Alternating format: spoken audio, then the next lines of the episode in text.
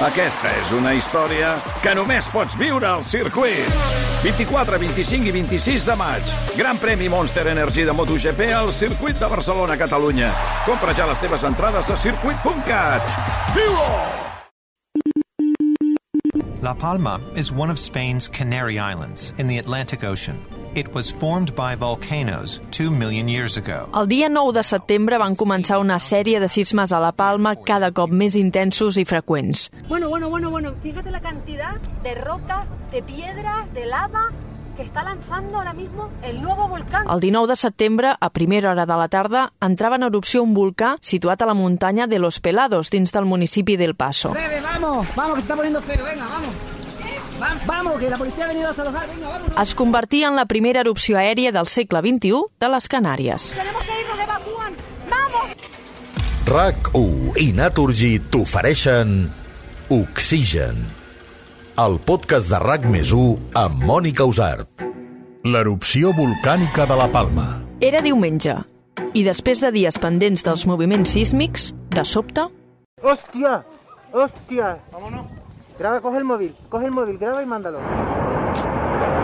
Cumbre Vieja entrava en erupció i els mitjans de comunicació començaven programes especials per seguir aquest espectacle de la natura, sense saber què passaria, quan duraria i quins danys s'haurien de lamentar. Ha entrat en erupció el volcà de la Cumbre Vieja de l'illa de La Palma, tot plegat després d'una setmana en la que s'han registrat La milers de Palma tremolors. is one of Spain's Canary Islands in the Atlantic Ocean.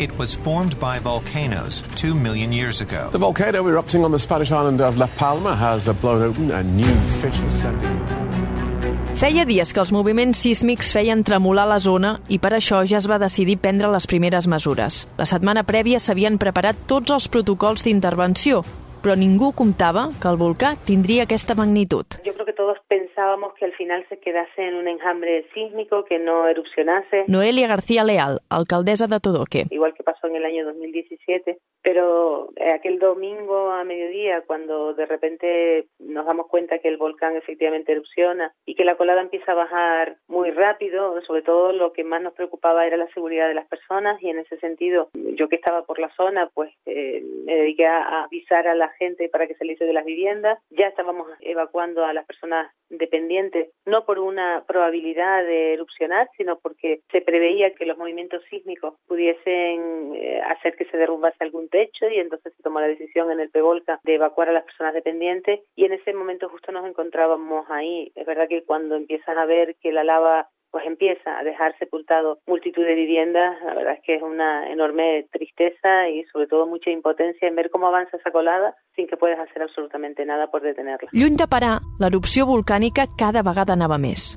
S'anaven obrint boques per on sortia magma i les colades de lava avançaven sense cap mena d'aturador. Deu dies després, la lava arribava al mar i formava un delta. Els periodistes i científics es van desplaçar a la zona per cobrir aquest moment històric i explicar què estava passant. Jo arribo a La Palma el dilluns següent al matí, no feia ni 24 hores. Jordi Armenteres, periodista de rac Llavors, amb un carret de premsa, a les primeres hores podies arribar on volies. Jo vaig arribar a 50 metres de la lava i no em vaig acostar més perquè em feia molt respecte i em feia molta por. I vaig arribar en un punt que et queien les cendres a sobre, cendres que eren relativament grosses, i era com una pluja que, òbviament, adverties que allò podia ser molt perillós i que sense ullera, sense gorra, era una temeritat estar en el punt on estaves. I allò sí que és un fenomen que, clar, que jo no havia vist mai de la vida, com la gran majoria dels que segurament sentirem això. Estant allà, els sentiments eren contraposats. Per una banda, és obvi que hi ha una devastació que és eh, inèdita, que és molt desgraciada, que hi ha molta gent que ha perdut moltes coses, però en paral·lel és un fenomen espectacular, preciós, meravellós, que et deixa embadalit totalment, és hipnòtic. Imagineu-vos estar eh, sota el volcà, a dos, tres quilòmetres, veient com allò rugeix, perquè la fressa que fa és escandalosa, és molt, molt bèstia, i en paral·lel t'hipnotitzes directament perquè no hi ha cap guió, clar. D'allà em va sortint lava, de cop i volta hi ha episodis que duren unes hores, uns dies, on tot allò agafa més fúria, de cop i volta calma, és imprevisible, no tens una explicació científica del que està passant dins del volcà, eh, el seu comportament, no tens una previsió de quan allò anirà més o anirà menys o pararà definitivament. Recordo que els primers dies ens deien durarà 55 dies dies, aquest fenomen. Algú s'ho creu, això? No, però és que els mateixos científics que ho deien no es creien la mateixa previsió que feien ells perquè era una previsió estadística en base a les erupcions que hi havia hagut als últims segles.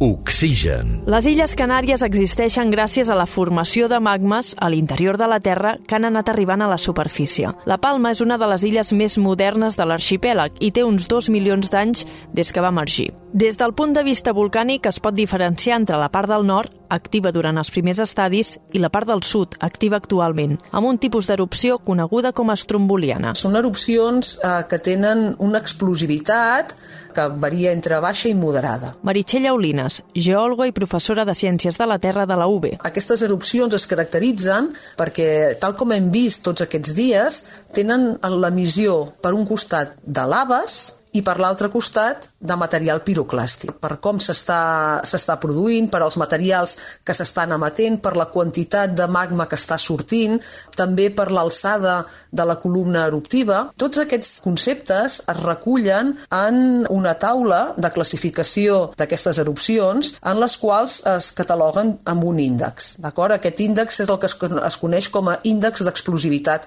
volcànica. Varia entre 0 i 8, a 0 una erupció eh, gens explosiva, és a dir, com per exemple tenim a Hawaii, no? que són eh, pràcticament només l'emissió de laves, i a 108 una erupció cataclísmica, és a dir, que en temps històrics nosaltres eh, no n'hem viscut cap. I en el cas de les erupcions estrombolianes estarien en un índex eh, més aviat de 2. Les explosions, el rugit, la sensació de tro constant és el so que des del primer moment se sent al voltant del volcà i que encara el fa més espectacular una experiència única. Després de més de 30 anys de periodisme, possiblement aquesta ha estat una de les impressions més impactants de tota la meva vida, tant personal com professional. No hi ha res que se li pugui assemblar, res. Glòria Serra, periodista. He viscut incendis, inundacions molt bèsties, um, atacs terroristes fins i tot, i no hi ha res que se li pugui assemblar això, sobretot pel volum. Uh, jo recordo um, la primera vegada que hi vaig anar, anàvem a fer el punt de directe relativament a la vora del con principal principal en aquell moment, feia només una setmana que havia arrencat el volcà, um, van parar a enviar imatges des d'un altre lloc i en aquell moment, que eren les 3 de la tarda allà, va ser quan va haver aquella explosió que vau sentir tots. Va ser espectacular perquè va ser com si haguessin llançat una bomba atòmica pel soroll i per l'impacte visual, fins i tot a la pell, no?, que vas notar això. I llavors va començar una erupció increïble. I jo recordo que parlant, em deia el vulcanòleg que jo estava entrevistant, diu, clar, és que tu estàs veient un raig de lava que puja. Bé, aquest, aquest raig de lava que puja té una alçada de 500 metres a un quilòmetre. I estàs veient que surten com pedres. Bé, doncs aquestes pedres tenen les dimensions d'una furgoneta. I això fa que et sentis molt empetitit, molt empetitit, i molt impotent. La Glòria va anar cap allà una setmana després de la primera erupció i a banda de quedar-se impactada per la fúria del volcà, també va quedar tocada pel desastre més personal. Potser no he plorat mai, personalment, en un uh, tema que hagi anat a cobrir com he plorat a les Palmes, sobretot pel drama humà. Uh, nosaltres estàvem allotjats, la primera vegada que vam anar estàvem allotjats al mateix hotel que les persones que havien hagut de marxar a cuita corrents de casa seva, és duríssim perquè, uh, mira, recordo un, un matrimoni gran que ell deia que ell se'n volia anar de la illa, que per la nit no dormia, que quan sentia el volcà, que se sent constantment, uh, no podia dormir, no podia descansar i tenia molta por. Però la seva dona no volia marxar perquè deia que allà hi tenia la seva mare. Òbviament la seva mare estava al cementiri, però per ella marxar era com abandonar les seves arrels, la seva família perquè no és només que, que se t'ha portat la casa eh, un aiguat o se t'ha cremat, perquè allà sobre allò pots tornar a reconstruir i després doncs, els teus veïns estan iguals, es genera un corrent de comunicació molt bèstia, però allà estem parlant de tota una comunitat que ha estat destruïda i que no es podrà tornar a recomposar. Mai més tornaràs a tenir el teu veí al costat, com el que en molts casos es, es remuntava a cases que fa tres generacions no?, que viuen allà. I aquesta sensació de desempar tan bèstia que sentien és que fins i tot ara se'm posa la pell de gallina de recordar-ho, no? I l'enorme tristesa que senties per ells. Els veïns van haver de sortir a correcuita de casa. Però van tenir una oportunitat per recuperar les pertinences. Tots parlàvem amb, amb molta gent i, clar, és molt desgraciat parlar amb gent que ha perdut la casa. Però saps que l'han perduda i que res, que s'ha de lluitar perquè hi hagin ajudes públiques i a partir d'aquí doncs, intentar refer la vida com es pugui. Jo em quedo amb una imatge que crec que encara és més desgraciada de la gent que, eh, sobretot aquells primers dies que hi havia tant descontrol, sabien que podien perdre la casa, que havien deixat la casa feia dies, que no els havien deixat tornar a recollir coses que hi podien haver deixat i de cop i volta es van començar a muntar convois on et donaven 15 minuts per poder entrar a casa teva acompanyat d'una persona tècnica de protecció civil i et, tenies 15 minuts per decidir què t'emportaves i què no t'emportaves. Uh, la marea que provoca de destrucció d'aquest volcà, clar, és molt bèstia. Aquesta situació ha despertat tota mena de moviments. El Jordi Costa i el David Melero, fotoperiodistes, i el Carles Rabadà, pilot de dron, es van desplaçar fins allà per donar un cop de mà. Vam parlar amb moltes persones, vam parlar amb persones responsables de protectores d'animals. Allà n'hi havia dues, molt de rellevants, que és Benaguara, que s'encarrega dels animals de companyia, i després n'hi ha una altra que és d'animals de granja. Vam parlar amb veterinaris, vam parlar amb voluntaris, perquè allà hi ha molt de voluntariat. Voluntaris que venien de l'illa de Tenerife a netejar els carrers, perquè allà ni tan sols es veuen els senyals del terra, i llavors els cotxes no veuen si hi ha un pas dels vianants, no es veuen si hi ha un stop, vull dir que la magnitud de la tragèdia, si ho podem dir d'alguna manera és aquesta. Vam estar parlant amb persones que estan en una plena depressió i només han passat 45 dies, però que realment ho han perdut absolutament tot, perquè no només han perdut a, a casa seva, han perdut la seva llar, amb tot el que comporta, tot el que hi ha dins, o sigui, tots els seus records d'infantesa, de, més són famílies que van heredant la casa uns als altres, que van fent les cases uns als altres al costat, gent que inclús ens van dir que havien inclús guardaven els diners a dins de casa, no? I és un drama, la veritat és que és un drama i, i vam tenir l'experiència de poder estar amb ells, donar-los i veu i a veure si en traiem alguna cosa de tot plegat. Oxigen, amb Mònica Usart. I ara què? Fins quan durarà? Ho podem pronosticar igual que fem amb el temps? Les erupcions volcàniques, primer de tot, no es poden predir. Meritxell Aulines. En el cas de, de l'erupció, de quan acabarà, això no ho sabem. Què s'està controlant? És a dir, s'estan controlant diversos uh, paràmetres. El que sí que s'està veient, per exemple, ara, és que hi ha una certa deflació, és a dir, com si el terreny, diguéssim, tornés, no? És a dir, aquell uh, abombament, aquell inflament que tenia, doncs a poc a poc, en certa manera, es va desinflant. Últimament sembla que també hi ha una mica de variació en el canvi de, de gasos que està emetent el volcà però tot i així encara no són evidències prou clares ni sostingudes en el temps per dir que realment aquesta erupció està arribant a, al seu final. Oxigen. No podem saber quan pararà l'erupció i la zona coberta de lava serà impracticable durant molts anys. Ni cultius ni edificacions. Quina és la intenció dels habitants de la zona? Podran reconstruir el poble en un altre punt de l'illa? No sé si reconstruir el, el, pueblo en otra zona de la isla. Noelia García Leal, alcaldesa de Todoque. Lo que sí que es verdad es que lo más importante es el sentimiento de pertenencia a una comunidad que han manifestado tanto los vecinos de las Manchas, de Todoque como de la Laguna, y eso yo creo que es lo más importante, más allá de la parte física de dónde estén o dónde no estén, yo creo que ahora mismo lo importante es la reubicación temporal de esa familia y que no se pierda ese sentimiento de pertenencia a un barrio, aunque físicamente pues ahora mismo no esté.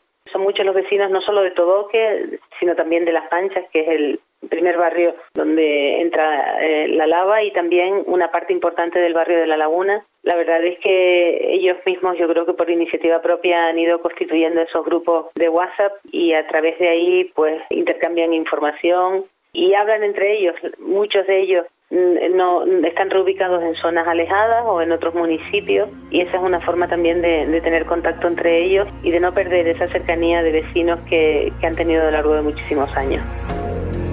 Davant d'aquesta situació han sorgit molts interrogants, com per exemple si les zones exposades a aquesta mena de risc han de ser edificables o si cal replantejar-se l'ús dels territoris. Joan Manuel Vilaplana, director de l'Observatori del Georisc del Col·legi de Geòlegs de Catalunya, ho aclareix. Jo crec que amb el que estem aprenent ara d'aquesta erupció ens hem de replantejar un nou planejament urbanístic i un nou ús d'aquests territoris que sabem en la Palma quins són els sectors que més erupcions s'hi poden produir, perquè se n'han produït des del segle XV ja se n'hi han produït 8, amb la qual en aquests sectors la probabilitat de que tornin a passar, una o dues erupcions per segle, que és la recurrència històrica que tenim, doncs això eh, és molt probable que segueixi sent així. Amb aquesta lliçó no tornem a ocupar aquests sectors d'alt risc amb eh, edificacions especialment sensibles, especialment amb vivendes, amb, amb edificis residencials, i mirem a quins sectors l'exposició a aquest risc és menor i aleshores